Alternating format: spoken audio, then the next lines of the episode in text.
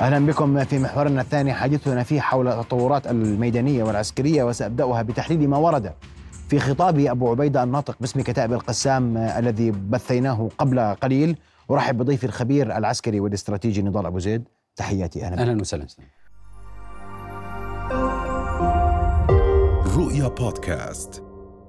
أستاذ نضال وأنا بدي أبدأ نضال بك في نقطة مهمة جدا وهناك تفصيلات جديدة يذكرها اليوم أبو عبيدة لجمهور متابعيه ومراقبي الحالة والوضع الميداني في قطاع غزة. تدمير 60 آلية أو استهداف 60 آلية للاحتلال.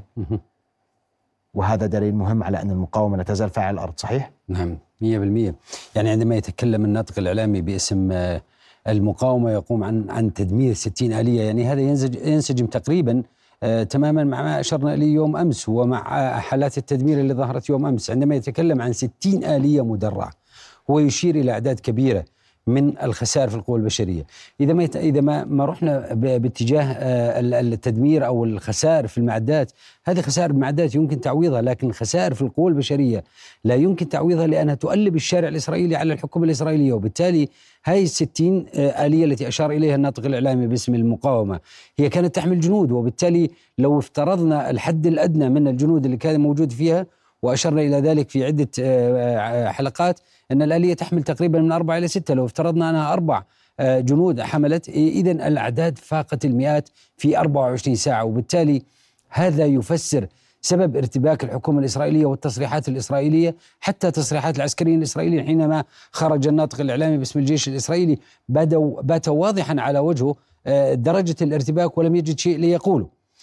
أما فيما يتعلق بالنقاط الأخرى اللي اشار اسمح لي راح اخذ من نقطة. آه، الحديث عن استخدام ال TBG الحديث عن استهداف مباشر لثلاثة جنود من آه، الاحتلال تواجدوا في قطاع غزة وإبقاء الكمين قائما لحين وصول المساندة والمساعدة لهم واستهدافها والعودة إلى القواعد آمنين. يعني فيما يتعلق بموضوع التي بي جي هذا آه، تكتيك جديد آه، هو استخدم سابقا لكن ما الجديد في هذا الاستخدام؟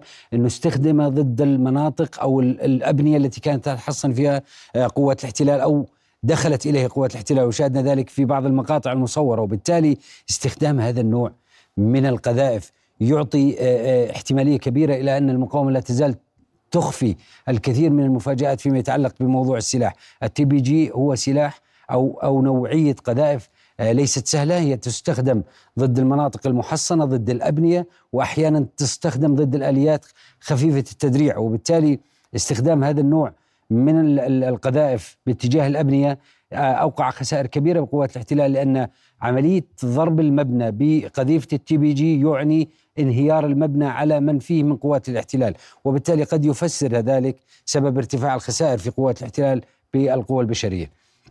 دلالة أن أن أن أن يبقى الكمين قائما وينتظر المساندة ومن ثم يهاجمها ويستهدفها والحديث عن مقتل سبعة آخرين من قوات يعني هذا بتكتيك محترف تماما وهذا يشير إلى قابلية الحركة لعناصر المقاومة من ناحية والقدرة العالية.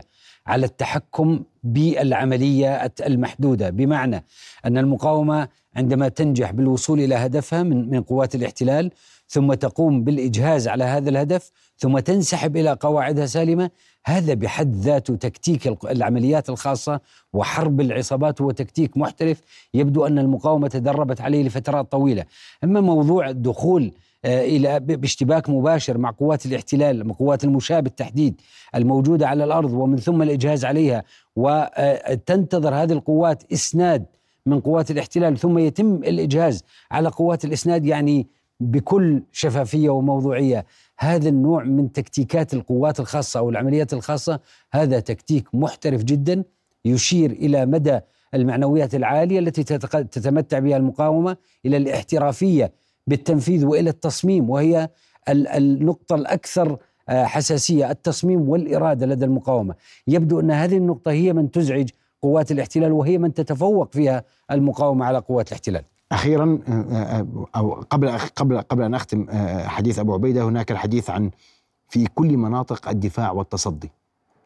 يعني هناك يبدو تقسيم للمناطق التي تقاتل فيها المقاومة. يعني أشرنا في أكثر من حلقة من من شاشة رؤية على أن المقاومة تنجح بجر قوات الاحتلال إلى مناطق تقتيل أو إلى كمان، الكمان لفترات قصيرة ومناطق التقتيل لفترات طويلة وتستخدم فيها كل الأسلحة المتوفرة لدى عناصر المقاومة، عندما يشير آه، الناطق الإعلامي أبو عبيدة إلى أنه آه، آه، نجح ب جر الاحتلال إلى مناطق الدفاع الخاصة به.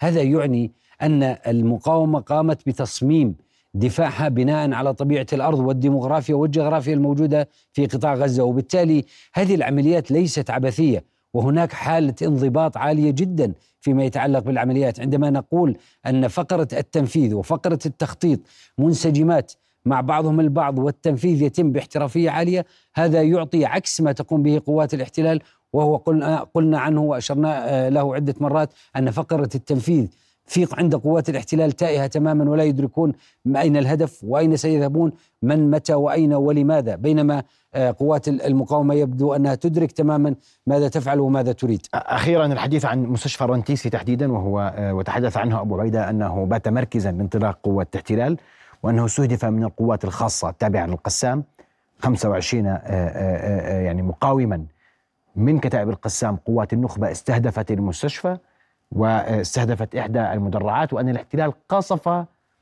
محيط المستشفى ظنا منه أن القوة حصلت على رهائن وسشهد أحد أفراد المقاومة. هذه العملية تحتاج الوقوف كثيرا عندها وتحتاج لتفاصيل كثيرة لأن هذا النوع من العمليات التي أشار إليها أبو عبيدة الوصول إلى الهدف في مستشفى الرنتيسي وشاهدناها يوم أمس في مقطع مصور الوصول إلى الهدف إجهاز على القوة الموجودة ثم الانسحاب وثم انتظار التعزيزات الإسرائيليين ينتظروا التعزيزات من من القوات الجوية لهم.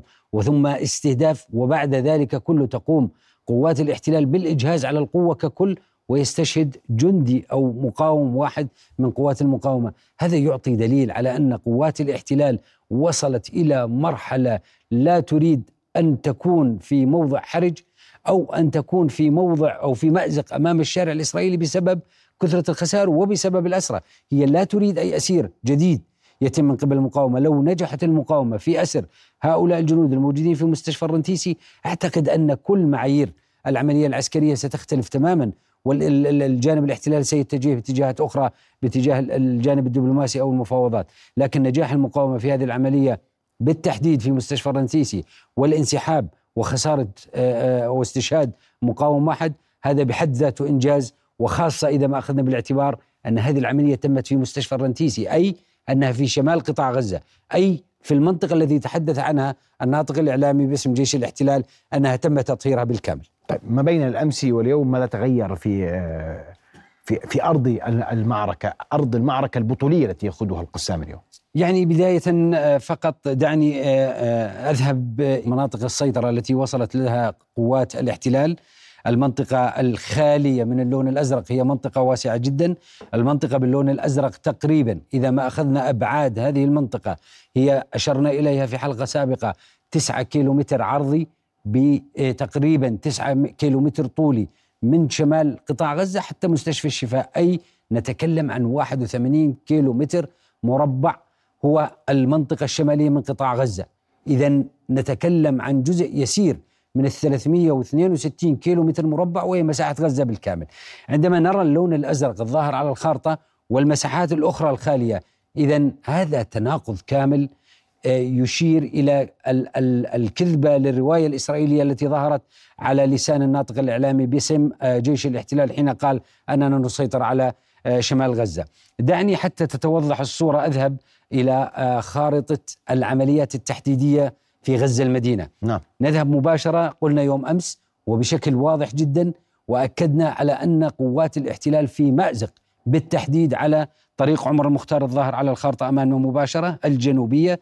جنوب مجمع الشفاء جنوب حي الزيتون جنوب آه قلب مدينة غزة. ما حدث يوم أمس وأكدنا فيه قلنا أن قوات الاحتلال خلال ال 24 ساعة الماضية ستنسحب. وأكدنا على أنها قد تنسحب باتجاه حي الرمال لكن يبدو أن آه، تقييماتنا كانت أقصر مما انسحبت به قوات الاحتلال حيث انسحبت أبعد ما كنا نتوقع انسحبت قوات الاحتلال عبر آه، طريق الجلاء باتجاه آه، تقريبا شارع الرشيد الساحلي وبالتالي انسحبت إلى مسافات طويلة، المناطق التي انسحبت منها قوات الاحتلال كانت هي من حي الزيتون بالتحديد الظاهر على الخارطة، كانت تقريبا بمحاذاة آه، طريق الجلاء في هذه المنطقة وكانت في أبرز منطقة انسحبت منها قوات الاحتلال هي تقاطع السرايا أو مفترق السرايا وهو مفترق يلتقي بطريق صلاح الدين مع طريق عمر المختار. بالتالي عندما نرى هذه الانسحابات لقوات الاحتلال باتجاه شارع الرشيد الساحلي هذا يؤكد على ما تقييماتنا يوم أمس وما أشرنا إليه يوم أمس أن قوات الاحتلال تحت ضغط المقاومة والخسائر التي تعرضت لها انسحبت إلى منطقة لتعيد تنظيم قواتها وتنتظر الإمداد من والإسناد اللوجستي من مؤخرة آه، قوات الاحتلال لإعادة التزويد بالآليات وإعادة التزويد بالقوى البشرية. نعم. واليوم قد ما هو أنت اليوم عندهم خط إمداد المفروض مفتوح. صحيح؟ خطوط الإمداد تبنى قبل بناء قبل بناء العملية وبالتالي هي توضع من ضمن أمر العمليات ومن ضمن الخطة الرئيسية. آه، خطوط الإمداد موجودة، هناك خط إمداد من قاعدة زكيم باتجاه يسند المحور الشمالي الغربي عبر طريق الرشيد الساحلي، وهناك خط إمداد آخر يسند المحور الشمالي الشرقي باتجاه آه، بيت حانون وبيت لاهيه وشمال آه، غزة المدينة، لكن إجابة على سؤالك أستاذ محمد وتوضيح أكبر خطوط الإمداد لقوات الاحتلال لا تزال تتعرض إلى عمليات كبيرة، بيت حانون فيها عمليات لغاية اليوم، العمليات بيت لاهيه آه، مع ساعات العصر هناك عمليات كثيفة واشتباكات. وأعتقد أننا قد نشهد خلال اليومين القادمين مقاطع مصورة من بيت لاهي وبالتالي المقاومة كما أشرنا يوم أمس تركز على ضرب خطوط الإمداد شمالا شمال قطاع غزة والاشتباك ومشاغلة قوات الاحتلال جنوبا جنوب مدينة غزة. في ظل هذا الحالة من التشابكات الميدانية آه، إشغال قوات الاحتلال بخسائرها الكبيرة قوة بشرية آه، آه، معدات. يبدو أن وضع قوات الاحتلال في مأزق كبير لا تستطيع الخروج منه رغم تصريحات الناطق الإعلامي باسم قوات الاحتلال ورغم تصريحات الجنرال يوآف جاليت وزير الدفاع الإسرائيلي إلى أننا سنتوسع بعملياتنا ونتجه جنوبا إلى أننا نعتقد أنه في ظل ما نتحدث عنه من تشابكات ميدانية والمأزق العملياتي الموجود في قوات الاحتلال أنا لا أعتقد أنه خلال الأسبوع الحالي قد تنجح. قوات الاحتلال بالانتقال إلى مرحلة أخرى حتى لو كانت المرحلة في المنطقة الجنوبية. أود أن أشير إلى نقطة أنت برأيك هم أنهوا العمليات في المناطق الشمالية؟ لا لا هم لم ينهي العمليات في المناطق الجنوبية لكن أنا أعلق شمالية. على الشمالية لكن أنا أعلق على ما جاء على لسان وزير الدفاع إلى أننا سنتوسع بالعمليات وبعض المصادر أشارت إلى أنهم سيتجهون جنوبا حتى القصف التمهيدي الذي ظهر في خان يونس في جحر الديك في مناطق البريج يشير إلى أن الاحتلال قد ينتقل قريبا إلى المنطقة الجنوبية، لكن عملية الانتقال هي ليست لتحقيق آه، مكاسب ميدانية، هي قوات الاحتلال آه، هنا وقعت في مأزق آه، محاولة إرضاء السياسيين الإسرائيليين. هي تريد الانتقال إلى مرحلة جديدة حتى تعطي مؤشر للشارع الإسرائيلي يرضى عن الجانب السياسي أو الحكومة الإسرائيلية بأننا انتقلنا إلى مرحلة جديدة لأننا حققنا مكاسب في المرحلة السابقة فلكن بالواقع لم يكن هناك أي مكاسب تم تحقيقها. الناطق الإعلامي باسم جيش الاحتلال يخرج لا يجد ما يقوله على وسائل الإعلام سوى بعض العمليات القصف والخسائر في صفوف المدنيين.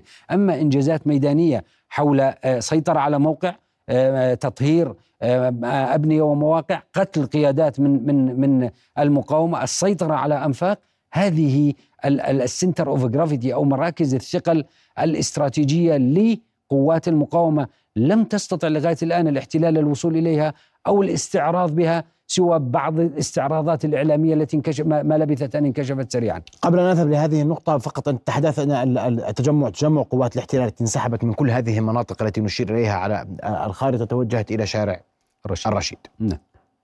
ما المتوقع في قادم الأيام؟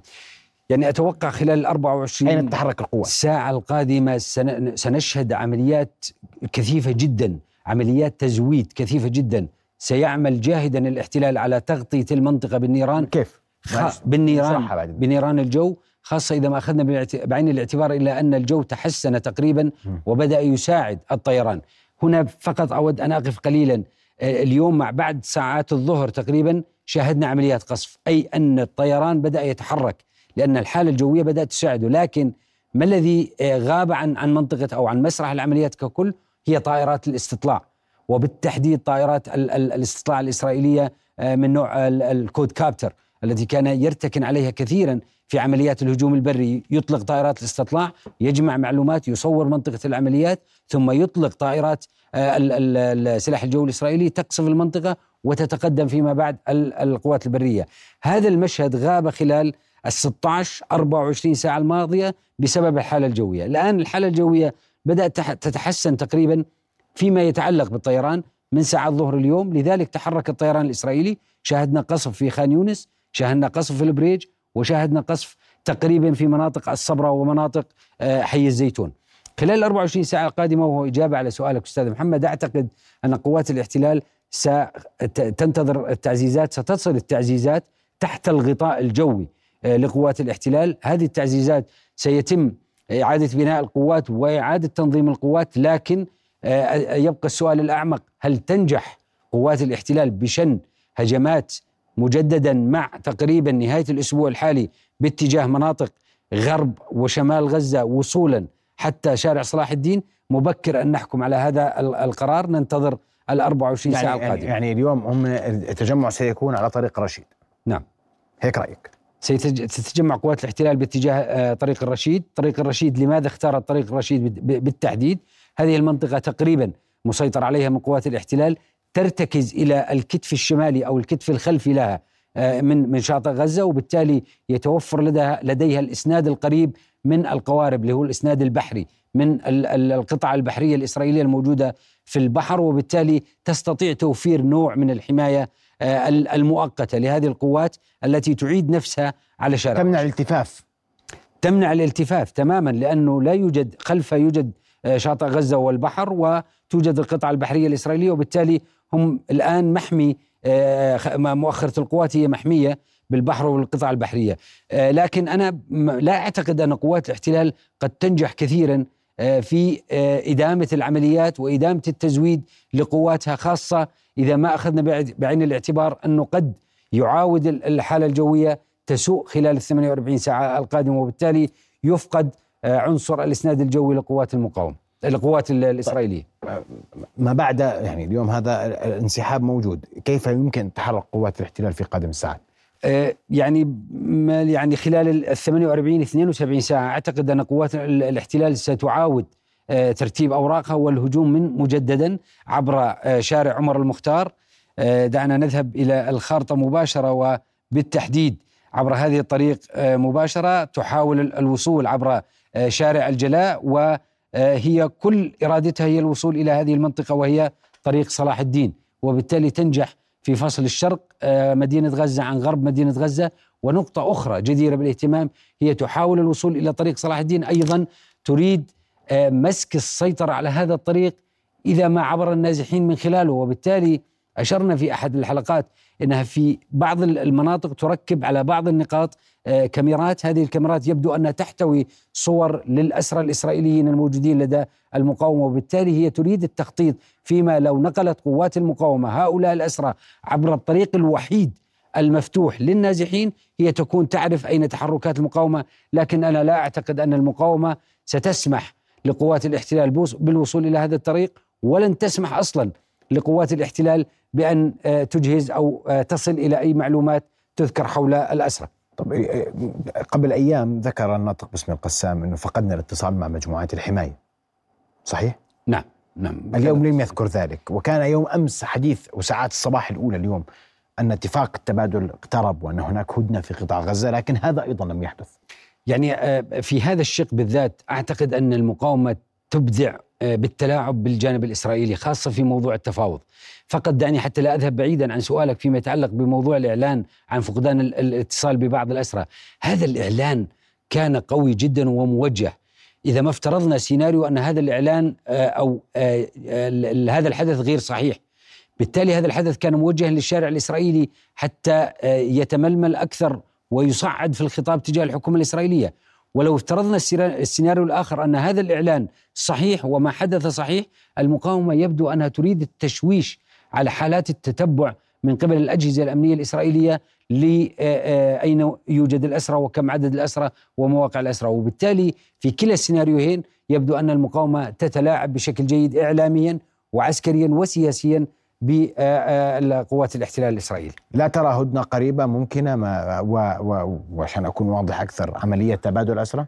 هذا يعتمد على الوضع الميداني، من يفرض من يستطيع التحكم بالمشهد العملياتي على الأرض يفرض شروطه على طاولة المفاوضات، لغاية هذه اللحظة إسرائيل في مأزق كبير، الحكومة الإسرائيلية والطرف المفاوض في مأزق أكبر، هم يريدون التفاوض على الاسرى لكن لا يريدون الظهور بمظهر الضعيف الذي خسر كل شيء آه، ميدانيا والذي يتنازل آه، في أهدافه وفي آه، متطلباته أمام المقاومة، لكن أعتقد أنه في نهاية المطاف سيقبل الطرفين تحت الضغط الدولي إذا ما أخذنا بعين الاعتبار أن الرئيس الأمريكي بايدن قبل ساعات أعلن أننا اقتربنا من التفاوض على الأسرى وأعتقد أن عدد الأسرى سيتفرضه المقاومة وهو لن يتجاوز الخمسين أسير سيتم الإفراج عنه مقابل ال 150 رهينة. فلسطيني موجودين لدى آه، قوات الاحتلال. لكن المقاومة تحدث بوضوح أن تبييض السجون سيكون هو الطريق الأخير. وتعتقد ما يكفي عسكريين؟ آه، مبكر جدا أن نتكلم عن تبويض السجون. يحتاج آه، مفاوضات شاقة وطويلة. دعني أقيس على نموذج شليط السابق. احتاجت إلى أشهر وسنوات حتى استطاعت الجانب الإسرائيلي الوصول إلى شليط. وبالتالي موضوع تبييض السجون يحتاج أشهر. نحن أمام عملية عسكرية معقدة تبلي فيها بلاء حسنا للمقاومة وتتقدم وتفرض كلمتها على الأرض. وبالتالي أعتقد أن آه، آه، زيادة الخسائر والضغط على قوات الاحتلال يدفع المقاومة إلى فرض شروطها على آه، قوات الاحتلال. وبالتالي تتحكم بمشهد التفاوض السياسي فيما يتعلق بمواضيع الأسرة وموضوع الرهائن الفلسطينيين لدى الاحتلال. الجبهات الأخرى. الجبهة الشمالية لا تزال مضبوطة رغم التصعيد ورغم كل ما سمعنا عنه. اليوم كان مختلف تماما فيما يتعلق بجبهة شمال الأراضي المحتلة جنوب الأراضي اللبنانية إلا أن هذا التصعيد ورغم وصول القصف من قبل حزب الله إلى عقر دار آه، الثكنات العسكرية الإسرائيلية. إلا أنني لا زلت أؤكد إلى أن هذا الجبهة بالتحديد هي جبهة مضبوطة ستقتصر على عمليات آه، الاستنزاف وعمليات التراشق. ولن تتجاوز إلى آه، غير ذلك. قبل أن نذهب بعيدا أود أن أشير إلى نقطة غاية في الأهمية. الرشقة الصاروخية التي ظهرت قبل ساعة من الآن رشقة قد تكون من أكثف الرشقات الصاروخية التي قامت بها المقاومة في كل الأراضي المحتلة. شاهدنا قصف في اتجاه عسقلان شاهدنا باتجاه كسوفيم حتى وصلت الرشقات إلى آه، قلب تل أبيب. نتكلم عن 72 كيلو متر من أقرب نقطة من شمال غزة. وبالتالي هذا يعطي ويؤكد ما أشرنا له في الحلقات السابقة طالما أن الرشقات الصاروخية تخرج طالما أن المقاومة بخير وتتمتع بقدرة عالية على التحكم بمشهد العمليات. المشهد اليمني بعجالة عسكريا تعقيبك عليه. آه، يوم أمس ما ظهر في مقطع الفيديو آه، لدي تحفظات كثيرة عليه، لدي آه، ملاحظات كثيرة على الفيديو. إيش؟ يعني لا أعتقد أن الفيديو كان يشير صراحة إلى العملية التي قامت بها الحوثيين رغم مصداقيتها. ورغم القبض على السفينة التي أشير إلى أنها سفينة إسرائيلية والأسرى الذي تم إلقاء قبض عليهم لكن يبدو أن الفيديو تم آه، ترويجه أكثر من اللازم نوع من البروباغندا المعاكسة التي تتبعها أيضا آه، قوات الحوثيين تجاه الإسرائيليين ما يتعلق بهذه النقطة أو هذه الجزئية بالذات هذا يشير إلى أن دائرة الصراع آه، تتوسع تصل إلى ممر مائي بحري استراتيجي مهم جدا مهم ليس فقط آه، للإقليم ولكن مهم بالنسبة للعالم كله. نحن نتكلم عن باب المندب وبالتالي كل أغلب نفط الخليج وأغلب الموارد الذي تذهب تأتي من من شرق آسيا ومن غرب آسيا هي تأتي عبر البحر الأحمر عبورا من باب المندب إلى البحر الأحمر إلى قناة السويس. إلى المياه الدافئة في البحر الأبيض المتوسط، بالتالي وجود الحوثيين على نقطة استراتيجية دولية أمر يبدو أنه مزعج جدا ليس فقط للإسرائيليين وإنما للعالم كله. تطورات هذا الملف برأيك؟ أعتقد أنه سيبقى آه، آه، لن يتجاوز موضوع التشويش والسيطرة على القطع البحرية التي ستعبر البحر الأحمر وهذا أيضا يدفع الجانب الأمريكي ليس للدخول كطرف في الصراع وإنما للدخول كطرف في المفاوضات الدبلوماسية. يدفع الإسرائيليين لتقديم تنازلات حتى لا تتوسع دائرة الصراع وتشمل الإقليم كامل. الخبير العسكري والاستراتيجي نضال أبو زيد أشكرك كل الشكر على وجودك معنا. كل الشكر جزيلا. رؤيا بودكاست.